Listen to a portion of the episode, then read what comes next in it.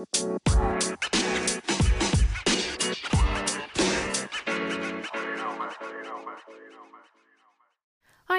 mijn naam is Janneke en welkom bij mijn Positief met Pubers podcast. De podcast waarin ik elke week vragen van ouders beantwoord over het opvoeden van pubers. Iets wat ik geweldig vind en waar ik gewoon heel blij van word.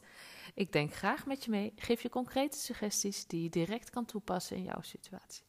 Mijn doel met deze podcast is jou te inspireren en te triggeren om anders te gaan kijken naar je puber, anders te gaan praten tegen je puber en anders om te gaan met puberproblemen. Heb je zelf een keer een vraag of een suggestie? Ze zijn altijd welkom. Je kan me vinden op Instagram op Janneke underscore, je pubercoach, of stuur mij een mailtje via info.conductien.nl. Nou, gaan gauw naar de podcast, aflevering van vandaag. Veel luisterplezier. Lieve groet. Yes, wat tof dat je weer luistert naar een nieuwe aflevering van mijn podcast. En echt, ik kan het niet vaak genoeg zeggen, maar ik, ik meen het elke keer weer. Dank je wel dat je elke keer weer luistert. Dank je wel dat je je feedback geeft en dank je wel dat je je vragen stelt. Want dit, dit waardeer ik echt enorm. Want elke keer als ik een opmerking, een berichtje of een vraag ontvang, word ik blij. Want, weet je, toen ik het idee kreeg om deze podcast te maken, was mijn grootste angst dat ik geen feedback zou krijgen. Dat ik geen vragen zou krijgen. Want, want ik had dus bedacht om een podcast te maken om vragen te beantwoorden van ouders, waar ouders mee zitten, om andere ouders daarmee te inspireren, om anders ouders de, de erkenning, de herkenning uh, teweeg te brengen en inzichten te geven. Maar ja, als je geen vragen krijgt, zou ik geen podcast kunnen maken. Dus, dus elke keer weer die verschillende soorten vragen, als ze weer komen, maakt dat mij enorm blij. Zo ook afgelopen donderdag tijdens de inspiratiesessie. Dat ik mocht geven voor een uh, gemeente. Het was online, omdat fysiek nog niet mocht. Maar gezien de afstand was dat eigenlijk wel heel ideaal. En dat was zo gaaf om te doen. Weet je. Ik begon met de vraag, en dat doe ik eigenlijk altijd. Ik de vorige keer ook wat de verwachtingen waren van de ouders. Op welke dilemma's of vragen ze graag antwoord wilden. Want deze kan ik dan weer meenemen in mijn verhaal. En de meeste ouders kwamen om, ja, om, om ervaringen van andere ouders te horen. Om, om bevestiging te krijgen of, of uh, uh, de struggles van andere ouders. Om, om te luisteren van oké, weet je, ik ben niet alleen. Want soms is het namelijk best wel fijn om te horen dat er ook andere ouders zijn die struggles hebben. En uh, een van de oude koppels dat bijvoorbeeld aanwezig was, had het over hun zoon. Een tweede puber in de rij. En de eerste hadden ze eigenlijk weinig mee van doen. Maar de tweede daarentegen ervaren ze als een stuk pittiger. En aldoende de sessie, aldoende de lezing, leerden ze dat, dat, dat, dat ze daarin niet de enige waren. Want ze vertelden een verhaal, want ze leerden dat uh, door, door, door wat, hoe, zij deden en hoe puber reageerden, dat straffen en, en boos worden bij hun zoon alleen maar een averechtse werking had. Dus door zelf rustig te blijven, vertelden ze, hebben ze ontdekt dat ze veel meer kunnen bereiken. En deze bevestiging krijgen was voor hen al heel waardevol. En doordat zij hun verhaal deelden, hadden ouders ook, andere ouders ook zoiets van, oh ja, wat interessant, weet je wel, op die manier. En daarnaast kwamen ze tijdens de sessie tot het inzicht dat ze eigenlijk al best wel goed bezig waren met hun zoon. En dat ze niet meer moesten gaan vergelijken met hun oudste zoon. Hoe waardevol. Weet je, dat is toch zo mooi dat ze zo'n inzicht krijgen. Ja, dat, dat, dat maakt wij, ja, maakt mijn werk gewoon heel dankbaar en geweldig. Weet je? Want soms hoef ik maar een vraag of een verhaal te vellen of een ervaring te vertellen om iets los te maken. En weet je, dit bedoel ik absoluut niet arrogant, want als je mij een beetje kent, weet je dat dat helemaal niet bij mij past. Maar Wanneer je met passie en enthousiasme je ding mag doen, een verhaal mag vertellen. En dat door bij mijn verhaal andere ouders gaan nadenken over hun eigen situatie. Ja, dat is geweldig. En dat dat dan, dat nadenken als opbrengst heeft dat zij zelf inzichten krijgen of ideeën krijgen voor hun eigen voeding, opvoeding. Ja, dat maakt mijn werk zo geweldig. Ja, weet je, daar ga ik nog meer van aan. Dan word ik nog blijer van. En als ik dit vertel, dan denk ik, weet je wat dat. En weet je wat het leuke is? De volgende lezing staat er gewoon weer in mijn agenda. En wie weet wat er daarna weer op mijn pad komt. Ja, ik, uh, ik heb gewoon heel leuk werk. Goed. We gaan door naar het zinnige gedeelte van de podcast. De vraag van vandaag. Tijdens de inspiratiesessie, dus tijd, afgelopen donderdag ook, was er een moeder die hoopte antwoord te krijgen op een vraag: hoe kan ik omgaan met een dwarsje puber van 15 jaar? Nou ja, weet je, dit blijft denk ik een hele interessante en herkenbare vraag voor veel ouders. En hier krijg ik veel, heel veel vragen over. Hoe om te gaan met een puber dat niet luistert. Of pubers die niet willen, niks willen aannemen van je. En in een andere podcast heb ik natuurlijk al soortgelijke vragen beantwoord. En toch ga ik deze vraag vandaag met je bespreken. Want ik weet dat het helpt als ik dingen op een andere manier vertel. In een andere context plaats. plaats sorry dat het dan mogelijk binnenkomt en dat het je net andere inzichten geeft. En dat is wat ik vandaag ook wil doen. Dus hoe kan ik omgaan met een dwarse van 15? Nou ja, weet je, om, belangrijk om te weten en om mee te beginnen is, wat is nou gezond pubergedrag? Weet je, want hoe irritant soms ook. En, en, en wat is dan gedrag wat acceptabel is en niet acceptabel is. En dat is natuurlijk voor iedereen verschillend. Want dit heeft te maken met wie jij bent als persoon, als ouder.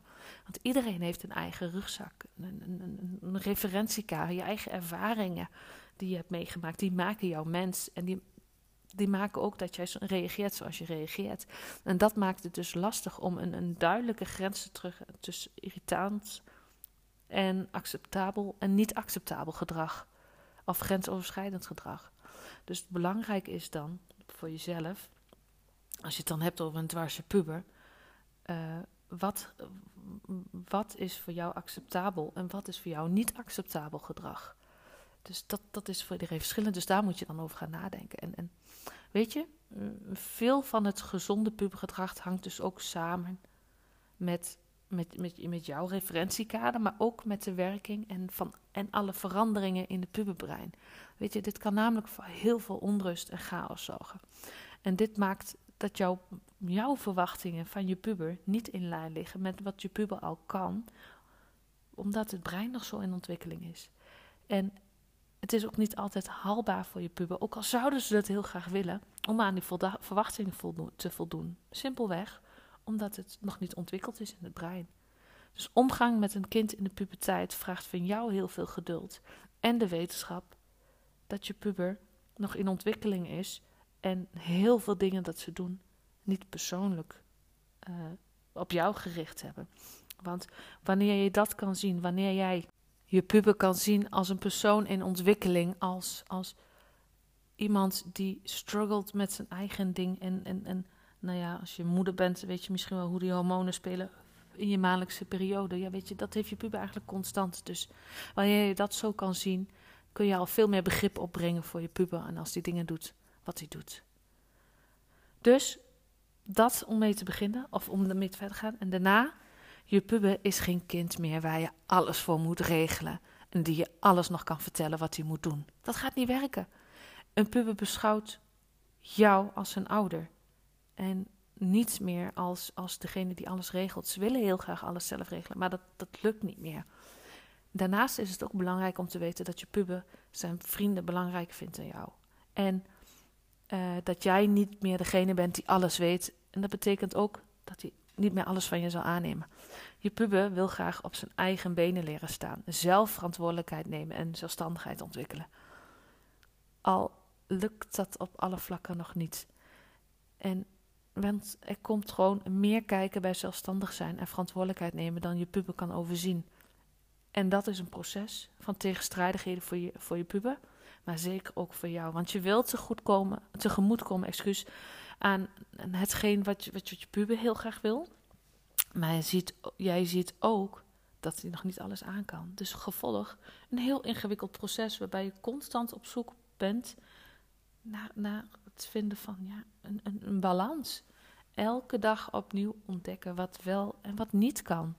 En dit betekent dus dat je puber je aan de ene kant nog nodig heeft en dingen met je wil doen, maar aan de andere kant wil hij met rust gelaten worden en dat je niet meer zoveel met hem bemoeit. Ja, en dat is lastig. Dus ze hebben jouw nabijheid nodig, maar ze willen ook zichzelf daarin niet kwijtraken.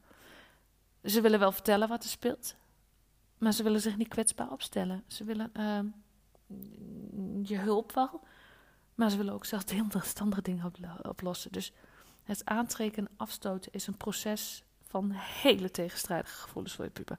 En dat maakt dat je puber de ene moment super vrolijk is, gezellig en heel behulpzaam en zorgzaam. Alle, alle mooie dingen van je kind. En een ander moment plotseling omslaat in boosheid, frustratie, dwarsheid of verdriet. Omdat ze vaak het gevoel hebben dat jij hen niet begrijpt. Dus het loskomen van ouders is een van de belangrijkste taken van een puber in de puberteit. En ze zijn geen kind meer, maar ook nog geen volwassene. Het is eigenlijk de voorbereiding op het moment dat ze het nest verlaten. Dat loskomen van ouders is dus typisch pubergedrag, wat dus de ene kant maakt iets wat heel erg moois is, maar de andere kant ook maakt dat ze, omdat ze niet goed om kunnen gaan met die emoties, zo dwars kunnen zijn. Dat ze het zelf ook niet weten van, goh, maar wat moet ik hier nou mee aan? En dan is het voor jou als altijd toch wel lastig om je kind daarin los te laten aan de ene kant. Maar is het voor je puber ook lastig door alles wat er in je hoofd speelt om ook nog te voldoen aan jouw verwachtingen en wat eigen verwachtingen en, en alles wat daarbij komt kijken. Dus dat maakt het gewoon heel erg lastig. Dus belangrijk is dan om in gesprek te blijven met je puber over de dingen die spelen. Wees duidelijk in wat je acceptabel vindt en wat je niet acceptabel vindt. En wees je dan ook consequent in. Maak afspraken met je puber. Duidelijke afspraken. En het belangrijkste is dan dat jij jezelf aan die afspraken houdt. Want dat heeft de ene kant heeft je puber die ruimte nodig. Maar de andere kant ook die, die, die duidelijkheid. Want anders weet je ook niet waar die aan toe is. Dus dan is het belangrijk, wat ik dan vaak zeg, is eh, maak kaders. Geef ze kaders. Oké, dit is de, de, ruimte. Ik maak nu even een vierkantje, dat zie je natuurlijk niet, maar een vierkant met mijn handen.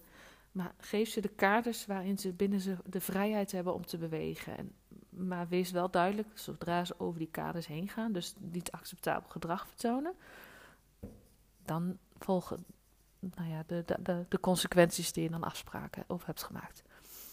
De andere kant is, sta ook open voor de dingen die je puber meemaakt, zonder daar een oordeel aan te koppelen. Weet je, ja, een dwarsje puber of een puber doet wel eens dingen die niet mogen. Ze gaan wel eens een grens over. Maar als ze dat nooit zullen doen, weten ze ook niet dat daar een grens zit. Of hun eigen grens, of die grens van een ander. Dus dat, dat hoort er wel een beetje bij. Dus hoor je echt dingen die zorgelijk zijn, bespreek dat dan met je puber. Ook weer zonder oordeel. Of zoek professionele hulp uh, via bijvoorbeeld de huisarts. Of nou ja, je mag ook altijd bij wat vragen. En luister naar je gevoel. Wanneer jij het gevoel hebt dat bepaald gedrag, uh, gedrag dwarsgedrag, irritant gedrag, uh, zo, ja, benoem maar wat voor gedrag, ofwel externaliserend ofwel internaliserend. Dus naar buiten trekkend of, of naar binnen getrokken. Als je merkt dat dat langere tijd is, al een periode zo speelt en je het gevoel hebt van, ja weet je, het zit hier niet goed en je hebt het bespreekbaar gemaakt. En, en, en je hebt erkenning bijvoorbeeld bij je partner, dus, dus bepaalde patronen uh, daarin herkent.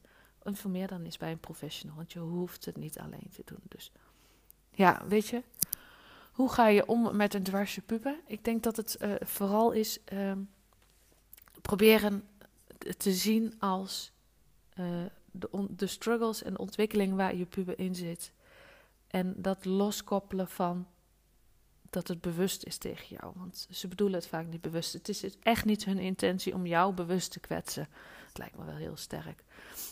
Soms voelt dat wel zo, maar dat is niet zo. Dus kijk vooral ook naar jezelf, naar je eigen gedrag richting je puber. Oké, maar wat kan ik anders doen? Hoe kan ik mijn puber tegemoet komen? Uh, dus neem die verantwoordelijkheid dan ook om ervoor te zorgen dat zij die ruimte voelen om te, te ontwikkelen, maar wel dat er kaders zijn. En daarvoor is gesprek nodig. Dus blijf in gesprek met je puber. En een tip die afgelopen donderdag ook weer werd benoemd: gebruik humor. Weet je, humor is een heel goed medicijn voor heel veel. Al is het erom om een bepaalde lading eraf te krijgen of, of even een andere wending te geven aan een gesprek met je puber. Dus dat was hem weer, dames en heren. Heel veel verteld. Ik hoop dat, dat mijn verhaal weer wat met je doet. Dat je er weer aan het denken zit. Dat je weer wat meer kan. Dat deze net een andere context, net een ander perspectief je weer wat inzicht geeft. En weer wat inspiratie geeft om met goede moed en meer motivatie je, je, je opvoeding weer in te gaan en naar je puber te kijken. Want weet je, je bent zelf ook puber geweest en kijk eens waar je terecht bent gekomen. Wij zijn toch allemaal goed terechtgekomen. Dus het is een fase. Ja, het is een fase. Het is een fase. Het is een fase. Wat ik, waar ik nog benieuwd naar ben is, wat roept deze input weer bij je op? Hier ben ik heel nieuwsgierig naar. Wil je me dat laten weten? Ik heb vandaag een post gemaakt over deze, uh, deze aflevering. En daaronder mag je natuurlijk altijd een reactie plaatsen. Zeg je van, nou weet je, dat wil ik liever niet. Je mag me ook altijd een berichtje sturen via Instagram of via de mail. Dat zou ik echt super tof vinden. Ook als je zelf vragen hebt, mag je me altijd berichten. Goed, ik, uh, ik denk dat ik genoeg heb geluld. Dankjewel weer voor het luisteren. Ik wens je een hele fijne dag. En tot de volgende keer.